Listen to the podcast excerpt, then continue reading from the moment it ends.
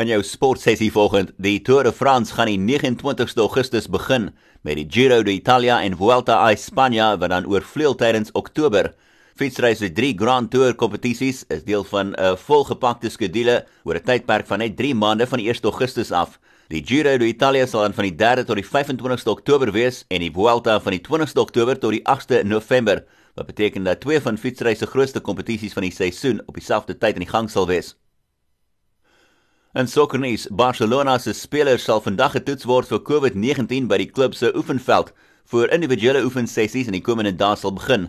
La Liga spanne is toestemming gegee om terug te keer na die oefenveld toe die week na die regering die inperkingsregulasies verslap het en organiseerders van La Liga hoop om die seisoen weer in Junie aan die gang te kry.